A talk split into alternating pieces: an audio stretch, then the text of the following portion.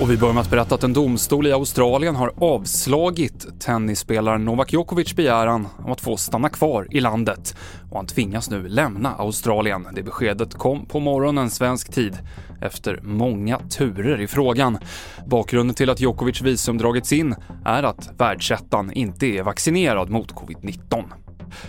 Ett stort polispådrag pågår i Hittinge norr om Helsingborg där någon har skjutit mot en bostad.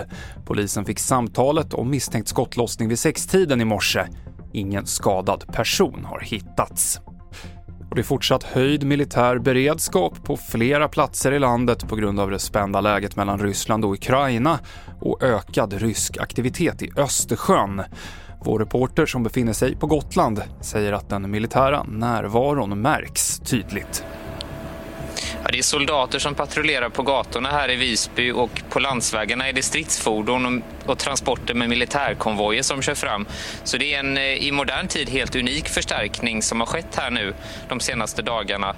Delar av den här insatsen sker ju i det dolda och är sånt som vi inte vet om. Men det är ju tydligt ändå av det som har setts hittills att Försvarsmakten är här med en stor eh, förstärkning och vill signalera att de tar situationen på stort allvar. Det berättade Magnus Wennerberg.